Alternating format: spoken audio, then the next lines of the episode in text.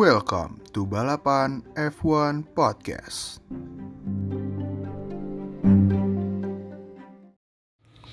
Hello guys, welcome back to Balapan F1 Podcast bersama gue Dimas dan um, di episode kali ini gue mau bahas mainly mengenai review GP Singapura kemarin minggu lalu dan uh, preview dari GP Rusia di Sochi di untuk akhir pekan ini gitu. Iya, tanpa basa-basi panjang, langsung ke topik pertama aja yaitu review GP Singapura. Um, ya, menarik banget sih udah sejak awal ya sejak uh, FP1, FP2, FP3 kemudian uh, biggest surprise-nya di kualifikasi sih ketika Ferrari ternyata bisa uh, menunjukkan mobil mereka menjadi salah satu yang tercepat di sini gitu. Karena sejak awal bahkan di podcast uh, episode kemarin pun gua uh, sangat menyangsikan Ferrari bisa uh, fight di sini di Singapura. Karena uh, tracknya banyak banget tikungan dan tikungannya uh, mainly 90 derajat yang butuh uh, apa ya balance downforce dan uh, mechanical grip yang bagus gitu. Yang mana biasanya uh, yang nguasain tuh uh, either Mercedes atau Red Bull gitu. And then uh, Ferrari ternyata bisa uh, perform bagus banget uh, as a team dan mobilnya juga ternyata bisa di setting uh, sampai cocok di track itu. Uh, gue salut banget sih sama Mattia Binotto and uh, his staff karena bisa apa ya bawa update untuk mobil itu uh, segitu krusial. Karena gue yakin ini semua bukan karena emang Ferrari suit suit to the track enggak. Tapi karena uh, emang banyak update yang dibawa Ferrari ke Singapura ini uh, Red Bull nggak terlalu banyak bawa update dan Mercedes kalau nggak salah cuma bawa update uh, di floor aja atau di rear wing ya gue lupa. Karena ya uh, menurut beberapa jur jurnalis kawakan F1 juga uh, Mercedes sama Red Bull nih in terms of uh, sasis dan aero tuh udah maxed out untuk di tahun ini untuk di upgrade sedangkan Ferrari itu masih expandable masih masih bisa di upgrade gitu. Uh, walaupun ya emang perintilannya banyak banget. And ya yeah, uh, salut banget gue sama effortnya Ferrari bisa uh, improve mobilnya segitu bagus. Dan sekarang uh, tiga kemenangan berturut-turut tiga pole position berturut-turut uh, which is wow gue nggak pernah membayangkan uh, Ferrari tahun ini bakal bisa meraih achievement itu after start of the season yang jelek banget gitu loh.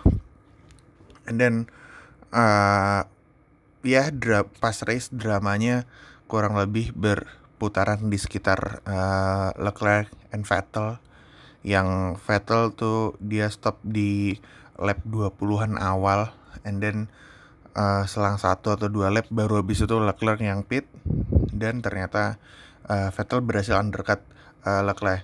Uh, sebagai penonton, gue yang uh, apa ya, ya emang mendukung banget Charles gitu. Gue pas nonton juga merasa, waduh, kok gini strateginya Ferrari kan jelas-jelas uh, Leclerc pun di uh, klasemen lebih tinggi dari Sep. Ngapain kok harus switching dan sebagainya gitu kan. Dan ternyata ya sebenarnya jawabannya eh, Ferrari, pun sendiri nggak nyangka kalau Vettel tuh bakal uh, bisa nyalip Leclerc undercut dan nyalip Leclerc karena uh, fokusnya dari awal adalah uh, Vettel pit duluan biar uh, ngamanin Leclerc dari Hamilton di stint kedua. Jadi uh, Vettel tuh masuk di antara Leclerc sama Hamilton. At the end ya seperti kita tahu uh, pas Vettel udah uh, masuk di turn 1 si Leclerc pun baru uh, keluar dari pit limiter zone gitu. So ya yeah, uh, surprising juga sih apalagi Vettel yang uh, satu tahun belakangan ini winless dia terakhir menang sebelum ini kalau nggak salah di Spa 2018 dan ups and downs-nya banyak banget apalagi yang kemarin di mana ya? Di uh, Monza kan dia itu juga spin juga yang yang sempat bikin uh, Lance nabrak dia dan Gasly juga uh, keluar track ya. Apa ya? Cukup surprising sih Vettel bisa uh, perform sebegitu bagus. Walaupun sebenarnya uh, emang Singapura ini salah satu track uh, di mana Vettel sangat menguasai track ini gitu. Total dia udah menang lima kali sekarang di Singapura. Dan saya gue Singapura tuh pertama 2008 so dari uh, penyelenggaraan 11 tahun ya berarti Vettel menang 5 wow hampir 50% that's uh, remarkable record. Ya bagus sih emang uh, Vettel menguasai track itu. And then uh, next uh, gue mau bahas Mercedes. Hmm. Uh, gimana ya? Jarang banget sih Mercedes bikin uh, kesalahan strategi yang se nggak sefatal itu sih tapi ya cukup fatal gitu di mana uh, Hamilton uh, opt untuk stay out padahal jelas-jelas uh, waktu itu uh, undercut tuh segitu apa ya segitu ampuhnya di Singapura gitu lu stay out ya ya udah jelas bakal uh, bakal nemuin traffic kalau misalkan lo uh, apa ya keluar pit ntar gitu loh jadi ya yang secara track position gak akan bagus sih kalau lo uh, mencoba untuk overcut di Singapura karena hampir pasti gagal gitu. Yang kita tahu sendiri kan uh, di lap-lap awal pas uh, 10 mobil pertama ma masih pakai soft itu kan si siapa uh, Leclerc dan kawan-kawan ya Ferrari, Red Bull dan Mercedes itu tidak mengeluarkan effort terbaik mereka dalam hal mencatatkan lap time di track. Dan yang kita lihat sendiri kan cukup konyol di situ uh, kalau nggak salah uh, fase slapnya bukan dari top 10 bahkan tapi dari Hulkenberg yang sempat uh, udah pit duluan karena ganti front wing kalau nggak salah. Oh, atau puncture ya lupa gue kayaknya puncture sih.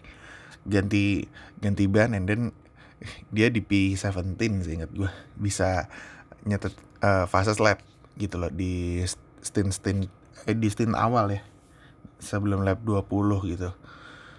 Ya gitu sih.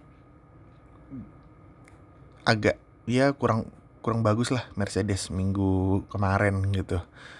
Red Bull juga ya mereka bisa memanfaatkan keadaan bagus walaupun uh, pada intinya Red Bull kemarin sebenarnya uh, apa ya ya up to their standard sih. Nggak nggak buruk tapi nggak outstanding nggak bagus juga gitu. Just okay gitu as a team. And then um, ya kurang lebih gitu sih. Untuk di midfield uh, Lando Norris P7 and then Pierre Gasly lalu Hulkenberg and then uh, Giovinazzi ya. Uh, kemarin untuk di midfield tight banget sih apalagi di lap terakhir ya kalau nggak salah. Itu kan sempat ada duel empat mobil tuh yang bener-bener uh, apa ya intens banget dan itu outside point gitu loh. Uh, waktu, itu kalau nggak salah Carlos Sainz, Lance Stroll sama Danny Rick. Sama satu khas gue. Nggak uh, yakin itu uh, Magnussen atau uh, Grosjean. Tapi yang jelas ada satu khas di situ. Sayang sayang banget itu nggak ke ini sih nggak nggak nggak kesorot kamera TV sih. Jadi ya karena udah lap akhir wajar kalau mereka lebih nyorot ke uh, Vettel yang apa ya yang lagi leading the race dan mau uh, ke checker flag gitu. And then um, ya yeah, Williams uh, untuk pertama kali uh, apa nggak bisa finish dua mobil. Si George La George Russell kan ya insiden itu cukup cukup konyol sih. Um, Grosjean being Grosjean setelah dapat kontrak bukannya uh, termotivasi tambah bagus gitu malah melakukan blunder lagi yang mana merugikan orang lain bukan bukan dia yang rugi itu ironisnya seperti itu and then uh, ya kurang lebih itu sih untuk review uh, Singapore Grand Prix. Next uh, preview Russian Grand Prix di Sochi. Gue nggak expect banyak sama race uh, minggu ini karena tiap tahun apa ya reputasinya race ini cukup boring. Uh, apa ya sebagian besar ya karena desain dari tracknya sendiri yang difficult to overtake gitu Uh, selama so fun fact gini, selama Sochi menggelar balap Formula One, gue lupa, tapi dari tahun berapa kok? Mungkin kalau nggak salah dari tahun 2014, uh, eh, dari tahun pertama hybrid era, selalu yang menang adalah Mercedes. So ini tracknya Mercedes banget, paling Mercedes di kalender F1 musim ini ya dan kalau misalkan kita lihat dari layoutnya sih memang memang Mercedes pantas untuk dijadikan uh, unggulan di sini karena uh, banyak tikungan patah tikungan uh, 90 derajat and then uh, long straight nggak nggak straight sih tapi apa ya ya ya high speed high speed straight and corner and curve kayak misalkan dari uh, turn 1 sampai 14 tuh kan dia ada belok ke kanan, habis itu ke kiri, yang mana itu flat out semua. Baru di turn 13 setelah belok ke kiri sedikit, uh, itu braking zone di situ.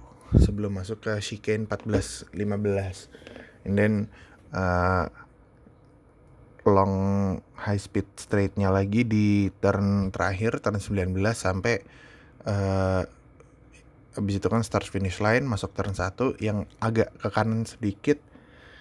Kemudian uh, baru hard braking sebelum turn 2 turn 2 turn 2 masuk turn 3 uh, eh, belok ke kiri sedikit baru habis itu uh, curve uh, ya kurang lebih kayak parabolika ya yang mana itu quite challenging juga untuk uh, ban kanan kanan depan untuk nahan nahan force di situ. Dan ya yeah, track Mercedes banget sih. Red Bull mungkin sulit untuk bersaing segitunya. Ferrari mungkin bisa karena terbantu dari long straight tadi. Di Singapura aja kan mereka yang long straight yang yang straightnya nggak banyak aja mereka bisa gain segitu uh, segitu banyaknya gitu loh kayak di sektor satu mereka bisa gain 0,2 sampai 0,3 second gitu di Singapura kemarin. Dan iya prediksi gue Mercedes sih. Walaupun sampai sekarang ini gue recording uh, Sabtu dini hari berarti udah FP2 and FP1. Uh, sambil gue ngecek hasilnya itu uh, di FP1 kalau nggak salah Ferrari tadi ya yang on top and then di FP2 itu Verstappen. Dan Mercedes belum uh, menunjukkan tajinya sepertinya. Bottas Hamilton itu masih terpaut 0,7 detik di FP1 and then di FP2 iya kurang lebih sama 0,6 0,7 detik gapnya ke Red Bull Racing Honda. Walaupun Red Bull di sini nggak akan menjadi kontender menurut gue dan iya bukan menurut gue aja tapi karena faktanya emang nggak akan menjadi kontender besar ini lebih akan uh, straight fight ke Mer antara Mercedes dan Ferrari karena uh, both Red Bull sama Toro Rosso uh, ngambil engine baru untuk introduce uh, untuk pakai engine baru nanti di uh, Suzuka karena itu home Grand Prix-nya Honda. Mereka mau uh, ngeluarin apa ya power terbesar mereka. So mereka relain hasil di Sochi ini. Jadi semua Honda powered car ngambil power unit baru gitu. Ambil penalti jadinya. Jadi nggak nggak akan start di depan dan nggak akan uh, challenging the pack uh, from the beginning of the race gitu sih. And then uh, ya yeah, all in kurang lebih gitu aja sih. Ya untuk oh ya untuk midfield dari hasil FP1 FP2 yang surprisingly yang um, cukup apa ya cukup menunjukkan ancaman ada Reno dan ya Reno sebenarnya nggak surprising karena mereka udah uh, cukup bagus lah summer break dengan segala upgrade mereka yang cukup uh, surprising adalah Racing Point. Karena Racing Point sepanjang season ini apa ya melempem. Tapi beberapa race terakhir ya after summer break mereka menjadi bagus. Menjadi bagus lagi. Lance, Lance Stroll menunjukkan apa ya hmm, skillnya terutama di race gitu. Iya kelemahan dia masih di quali. Cuma di race sudah menunjukkan uh, talenta sebetulnya gitu. Se iya. And then Mer McLaren mungkin akan take fight sih mulai besok gitu. Walaupun di FP1 FP2 belum ada um, apa ya belum ada hasil yang cukup bagus cukup signifikan bagus gitu sih.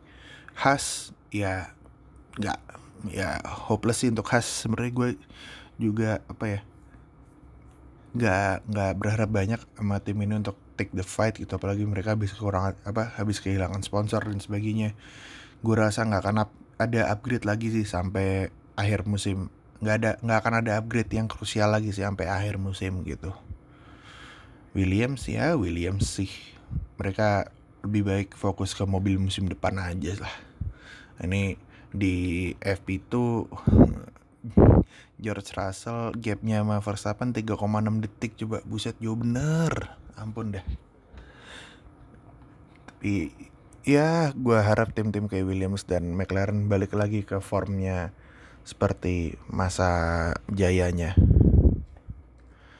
Oke, segitu aja dulu uh, podcast balapan F1. Um, boleh banget kalau ada kritik dan saran bisa kalian kirim melalui DM at balapan F1 di IG atau komen di postnya juga boleh. Oke sekian dulu guys. Thank you for listening. Grazie ragazzi, grazie mille. Bye.